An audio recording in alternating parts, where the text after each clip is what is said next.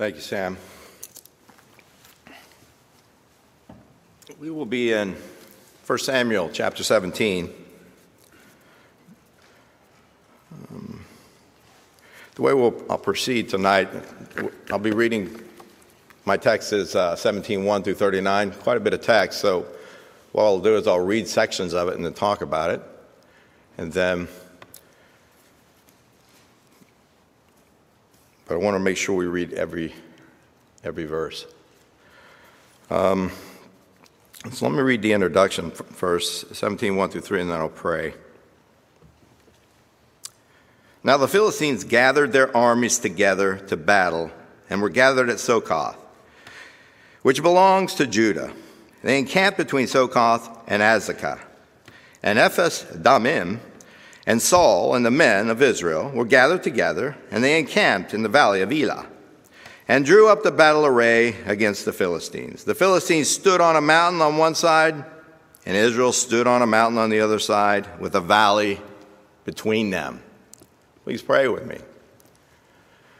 Father, we're so grateful for your word. We're thankful uh, for the day which you've given us where we can all come together. We do pray your spirit would be here that your word would be applied to our hearts, uh, that your spirit would sanctify us, that your presence would be here with us, uh, that we might see your glory, and that we might be changed to be more like Christ. We do pray in his name. Amen. Now, what I wanted to do before I go there, so this is the story of David and Goliath. And what I wanted to do is I want to kind of give you the, the how I proceeding with interpretation. Because what can happen with the story of David and Goliath, you can make it a moralization type of a story. And that's not what, that's not what the scriptures are about. And, and I, wanted to show, I want to show you this. If you will, the first one. So, so uh, after Christ died and he rose again, he's walking along the road to Emmaus. And, and two guys are talking, and they're saying, You know, I don't understand what happened. I can't interpret the events that I just witnessed, how that he died. And then Christ comes along alongside of him. He says this He said to them, O foolish ones and slow of heart, believe in all to believe in all that the prophets have spoken. Ought not the Christ have suffered these things and entered into his glory? And beginning at Moses and all the prophets, he expounded to them all the scriptures, in all the scriptures, the things concerning himself. So the interpretive principle that I want, want you to notice here is that last part. Beginning at Moses and all the prophets, he expounded in them all the scriptures the thing in all the scriptures concerning himself. Two things uh, that primarily is this it's all the scriptures, beginning with Moses at the beginning all the way to the end. It's all about Christ. It's the second thing. It's Christ, the Christ of the Old Testament is in the Christ of the New Testament. Those in the Old Testament were saved by the Christ that we're saved by. They had a revelation of him. It wasn't as, as, as full as the revelation we had, but they did. And that's, that's that. Now, this is how Christ interpreted to them. Now, you'll see that his apostles interpreted it in the same manner. Next, next one. So this is Paul. He's speaking. He's in Rome. He was in prison. And listen to what he says as, as, as they came to him, that he was under house arrest. And so when they had appointed him a day, many came to him at his lodging, to whom he explained and solemnly testified of the kingdom of God, persuading them concerning Jesus from both the law of Moses and the prophets from morning until evening. So you see the same interpretive technique from the apostles and Christ himself. So that's how we're going to uh, proceed. And uh, we've got some college students here. Emily's over here. And Emily, Emily's full aware that I usually go back to Genesis. I, I usually start from Genesis. She's full aware of the, of the fig leaf righteousness and the seed, right? And the seeds and the seeds. So, so if you'll notice, they're, they're encamped and they're in battle formations, the Philistines and Israel. And there's a valley in between, but there, there's a battle that's brewing. And so, what I wanted to do is go back and I wanted to look at what's underneath this battle. Why this battle from the book of Genesis, from specifically chapter 3. It says this, and I will put enmity between you and the woman, and between your seed and her seed. He shall bruise your head, and you shall bruise his heel.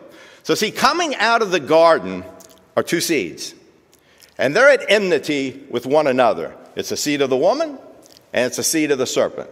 And there's, and, and there's, a, there's, a, there's a battle that goes on throughout every generation, throughout time, with those two seeds in the Bible. You can trace it through the Bible. And you can trace that promised seed and the sacrifice that follows on later on in Genesis through the Bible. The seed and the sacrifice with the promised seed, they go hand in hand through the Bible.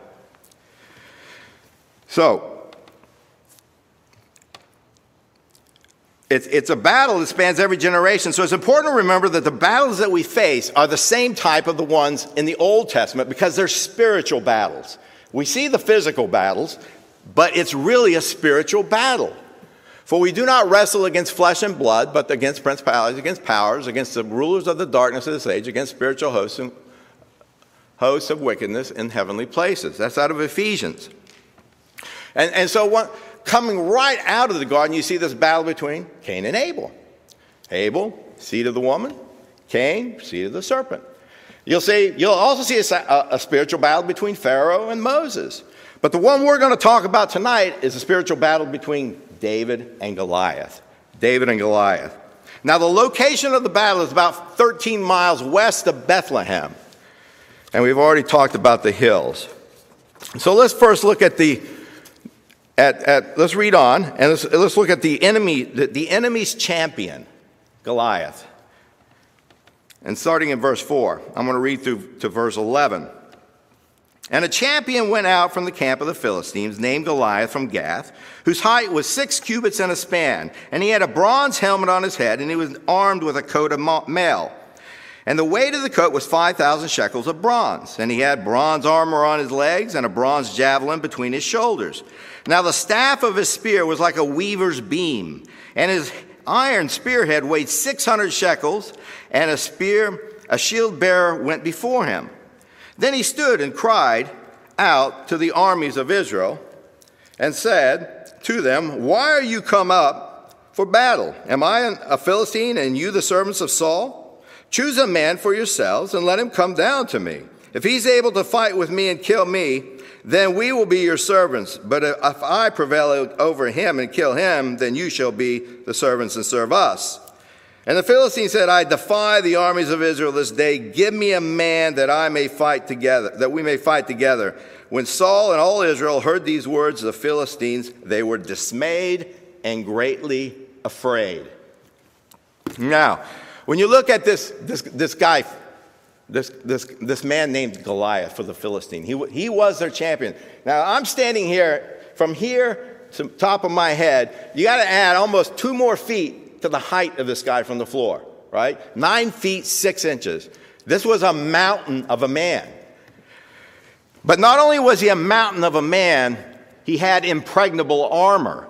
He had a bronze helmet, his, and he had bronze body armor. It weighed 5,000 shekels, it says, which is 126 pounds. Think about that. He's going to go fight with a 126 pound coat on, of bronze.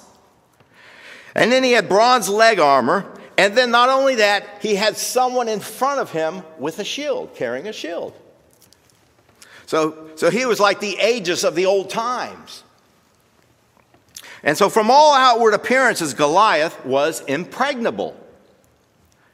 Not, but not only was his armor impressive, his weapons were also. He had a, a, bronze javelin between his shoulders, a spear like a sh- the shaft of a weaver's beam, and the iron spearhead weighed 600 shekels. That's about 15 pounds, the spearhead. 15 pounds. So, through the eyes of fallen man, the enemy's champion imp- appeared invisible. And Goliath's pride exceeded his size. He demeaned and defiled the armies of Israel, and we see that Saul and all of Israel heard these words, and they were dismayed and greatly afraid. So put, your, put yourself in their place, right? Someone walks through this door, right? Dude's nine foot six. He's got a spear. He wants to kill you. You think you'd be afraid? A.W. Pink wrote, Goliath pictures to us the great enemy of God and man, the devil, seeking to terrify and bring into captivity those who bear the name of the Lord. Not only did his prodigious size reflect the great power of Satan, But Goliath's mocking jeers depicted Satan's hostility and hatred against the Lord and his people. Goliath was a seed of the serpent. He held the children of Israel captive in their fear of death. And so, what they needed, what the people of God needed, was their own champion to destroy him. So, God provided one through the seed of the woman. Hebrews. Inasmuch as the children have partaken of flesh and blood, he himself likewise shared in the same, that through death he might destroy him who had the power of death, that is, the devil, and release those who all, through all, through fear of death, were all their lifetime subject to bondage.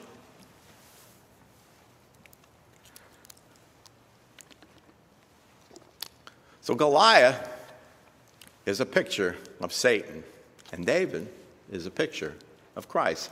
And, and, and, and, and um, that, would be called, that, that, that would be called types, these pictures in the Old Testament of Christ. Now, there are many today who are ignorant of the devil, the great enemy of our soul.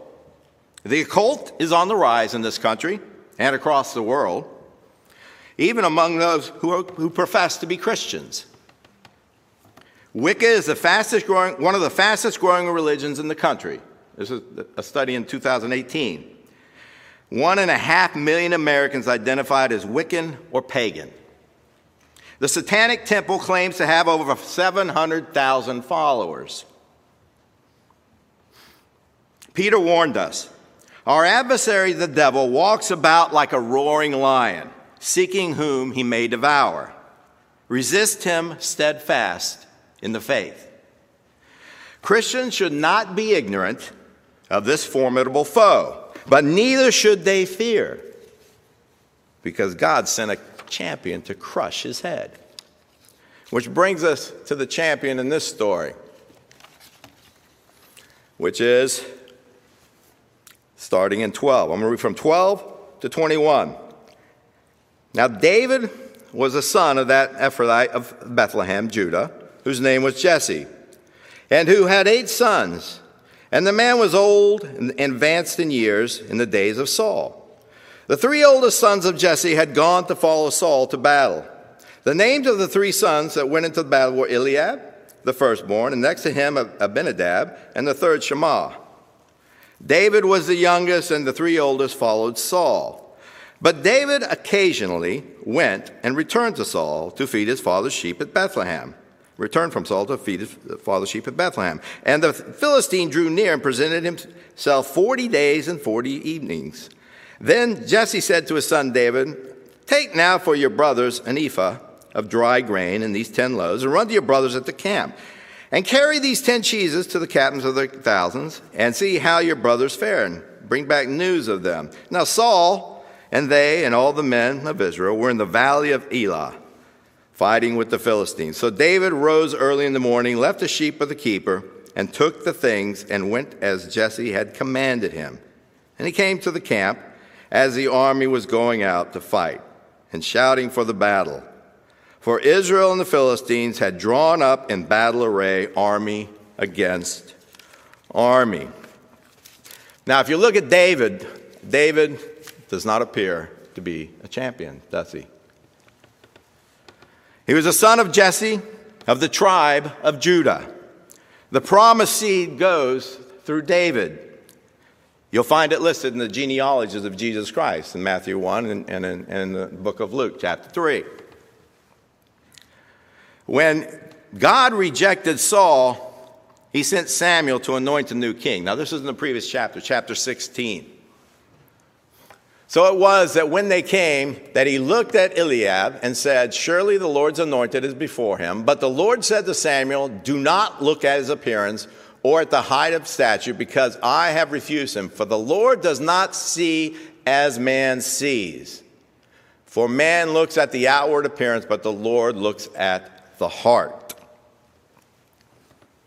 So David was small in size compared to his brothers. Much less when it's compared to Saul, because when Saul was chosen as king, it says that from his head to his up, shoulders upward, he was taller than any of the other people in Israel. So he was a pretty big guy, also. But compared to Goliath, David was a baby. He was also the youngest son of Jesse. He was probably a teenager because in Israel, in the law, in the book of uh, Numbers, chapter 1, verses, verse 3, you had to be 20 years old to be a warrior in Israel.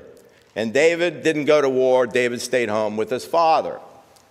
And so he's, he was most likely a teenager. And he, he stayed at home and tended the sheep while his three brothers followed Saul, his older brothers. And then David was sent by his father to serve his brothers and others. So David was not only a shepherd, he was a servant. And from the world's perspective, the man chosen by God to reign over his people appeared to be weak and unfit to command an army, much less be a king for Israel, but a lad, and a small one at that.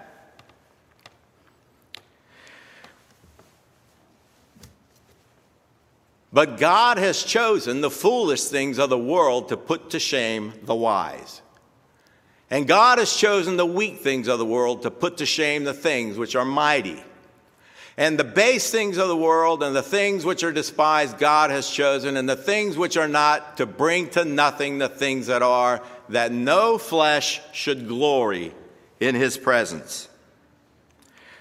You see, the, de- the seed of David did not appear to be a champion. Isaiah prophesied concerning Christ. He shall grow up before him as a tender plant and as a root out of a dry ground. He has no form or comeliness, and we shall see him. There is no beauty that we should desire him. Paul wrote that he made himself of no reputation, taking on the form of a servant, being made in the likeness of man, and being made in the appearance of a man, he humbled himself and became obedient even to the death of the cross. And so, what do we do with that for us? Well, Paul tells us. He says this in Philippians 2 3 to 5. Let nothing be done through selfish ambition or conceit, but in lowliness of mind, let each esteem others better than himself.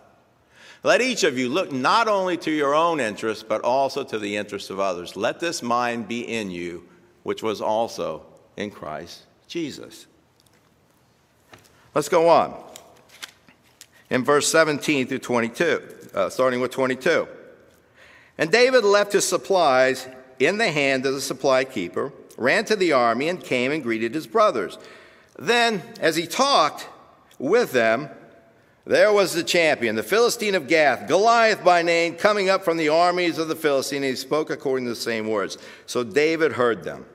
And all the men of Israel, when they saw the men, fled from him and were dreadfully afraid. So the men of Israel said, Have you seen this man who's come up? Surely he's come up to defy Israel. And it shall be that the man who kills him, the king will enrich with great riches, will give him his daughter, and give his father's house exemption from taxes in Israel. Then David spoke to the, man, the men who stood by him, saying, what shall be done for the man who kills this Philistine and takes away the reproach from Israel? Who is this uncircumcised Philistine that he should defy the armies of the living God? And the people answered him this manner, saying, So shall it be done for the man who kills him. Now Eliab, his oldest brother, heard when he spoke to the men, and Eliab's anger was aroused against David, and he said, Why did you come down here? And with what have you what have you done, left those who have you left those few sheep in the wilderness? I know your pride and the insolence of your heart, for you have come down here to see the battle. And David said, What have I done? Is there not a cause? Then he turned from him toward another and said the same thing. And these people answered him the same as the first ones did. Now, when the words which David spoke were heard, they reported them to Saul. And he sent for him. Then David said to Saul, let no man's heart fail because of him. Your servant will go and fight this Philistine. And Saul said to David, You're not able to stand against this Philistine and fight with him. You are but a youth, and he a man of war from his youth. So David came unto his own, and his own rejected him. He came to the camp, and as he was talking to his brothers, Goliath came out to defy Israel. Richard Phillips writes this David was awestruck by Goliath, but for a different reason from everyone else. David was stupefied, not that someone could be so big, but that the uncircumcised Philistine could so defy the glory of God. Moreover, the giant had challenged Israel's faith in the Lord as if God's people would be more impressed by the fear of Goliath than by the fear of God. This was an outrage, an affront to God's honor, a smear on Israel's covenant name. So David spoke up and he said, What shall be done for the man who kills this Philistine and takes away the reproach of Israel? For who is this uncircumcised Philistine? That's not just a, a slander, that's covenantal language. That he should divide the armies of the living God. But instead of being convicted for their cowardness and lack of faith, the people lashed out at David. His older brother Eliab maligned his motives and scorned him. Why did you come down here? And with whom have you left those few sheep in the wilderness? I know your pride and insolence of heart, for you have come down to see the battle. But when David was reviled, he reviled not again. Neither was he silenced by them. He stood firm in his convictions and the love of God. He said, Is there not a cause? You see, the wisdom of God rested upon this young shepherd. He didn't answer a fool according to his folly, lest he be like him. He answered a fool according to his folly, lest he be wise in his own eyes. David's deeds were consistent with his doctrine. He spoke up against the blasphemy of the uncircumcised Philistine and he stood up to defeat him. Let no man's heart beca- fail because of him. Your servant will go and fight with this Philistine. But this time, instead of encouraging him in the fight, the one who should have stood up instead of David, the king of Israel, sowed seeds of doubt. King Saul said, You are not able to go against this Philistine to fight with him, for you are a youth, and he is a man of war from his youth. The Apostle John tells us that Jesus came to his own, and his own did not receive him. John 1, 1 John 1 11. Isaiah prophesied he was despised and rejected by men. Those who walk by faith, not by sight, must not expect to be popular with men. We should not be deterred when others, even brothers or sisters, malign our motives or cast darts of doubt. If Christ was despised and rejected of men by his own, those who follow him should expect the same.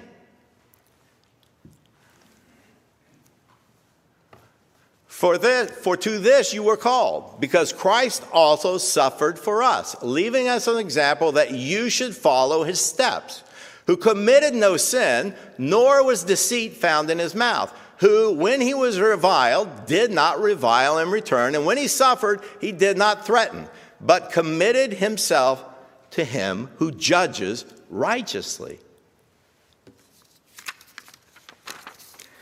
Let's look at our last section.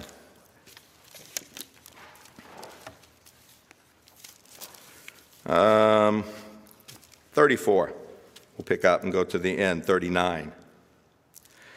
But David said to Saul, Your servant used to keep his father's sheep, and when a lion or bear came and took a lamb out of the flock, I went after it and struck it, and delivered the lamb from the mouth. And when it arose against me, I caught it by its beard and struck it and killed it.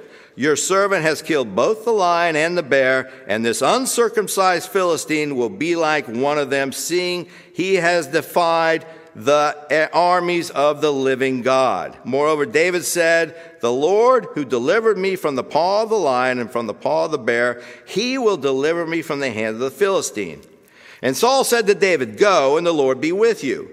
So Saul clothed David with his armor, and he put a bronze helmet on his head, and he clothed him with a coat of mail. David fastened his sword to his armor and tried to walk, for he had not tested them. And David said to Saul, I cannot walk with these, for I have not tested them. So David took them off. So Saul sowed the seeds of doubt, but David discarded them having proved the faithfulness of God. As a shepherd, he had delivered the, his father's lambs out of the mouths of lions and bears. The uncircumcised Philistine would be no different. The Lord had delivered him then. He was confident that he would deliver him now, having exercised his faith. Not just sitting there thinking his faith, but living it. David was sure that the Lord was his shepherd. Then Saul said, Go and the Lord be with you. But then he thought David needed something more. Apparently, the Lord was not sufficient for Saul. If he was, why didn't Saul go? Why send a young boy out to fight the king's battle? So Saul gave David his armor, helmet, and coat. David put them on to try them, but he found them wanting. He had not tested them. He had tested the armor of God. So David found that to be much more sufficient than anything Saul could give him. So we live in a post Christian culture and there are many in the church who think this is an unprecedented time. People no longer think logically, or they are willing to listen or willing to listen to reason. They say you can't teach and preach doctrine, that will only turn them off. Therefore, as the argument goes, you, we need to rethink how we do church so we can reach these people. It appears to be a plausible argument until you shine the light of Scripture on it. In the book of Acts, when the apostles turned to the Gentiles with the gospel, they went to a people who lived in great darkness where Satan dwells. That's what it says in the book of Revelation. The Gentiles worshiped idols and sacrificed their children to false gods. Men and women were possessed by demons. The apostles did not, did not put on the belt of philosophy and take the sword of psychology. They stormed the gates of hell with the foolishness of preaching, not the wisdom of men. Paul told young Timothy, Preach the word, be ready in season and out of season. Convince, rebuke, exhort with all long suffering and teaching. For the time will come when they will not endure sound doctrine, but according to their own desires because they have itching ears, they will heap up for themselves, and they will turn their ears away from the truth and be turned aside to fables. But you be watchful in all things, endure afflictions, do the work of an evangelist, fulfill your ministry. See, David did not need a change of armor. Saul needed to change his. Saul was the one living in darkness and fear not David. David was wearing the whole armor of God. He had tried it and he found it to be more sufficient, more than sufficient to take on Goliath. So David handed the armor of man back to Saul. David wanted nothing to do with it. Let me conclude, with this. There was an enmity between the two seeds that came out of the garden, and there has been a spiritual battle ever since. The Christian faith is a war. If you haven't figured that out yet, you need to get in it. And Christians are called to warriors. But we need to take heed how we fight. For though we walk in the flesh, we do not war according to the flesh. For the weapons of our warfare are not carnal, but mighty in God to the pulling down of strongholds, casting down arguments and every high thing that exalts itself against the knowledge of God, bringing every thought into captivity to the obedience of Christ. The battle is the Lord's. He has already conquered sin and death and crushed the serpent's head. We have all we need. We don't need anything else. Amen? Let's pray. Father, we're so grateful that you sent your Son, who humbled himself and bore our sins on that cross and rose again, ascended up on high, and now he rules and reigns over our enemies, and he's conquered them. So, Father, help us to live in that, believing it by faith and trusting in you. We do pray in Christ's name. Amen.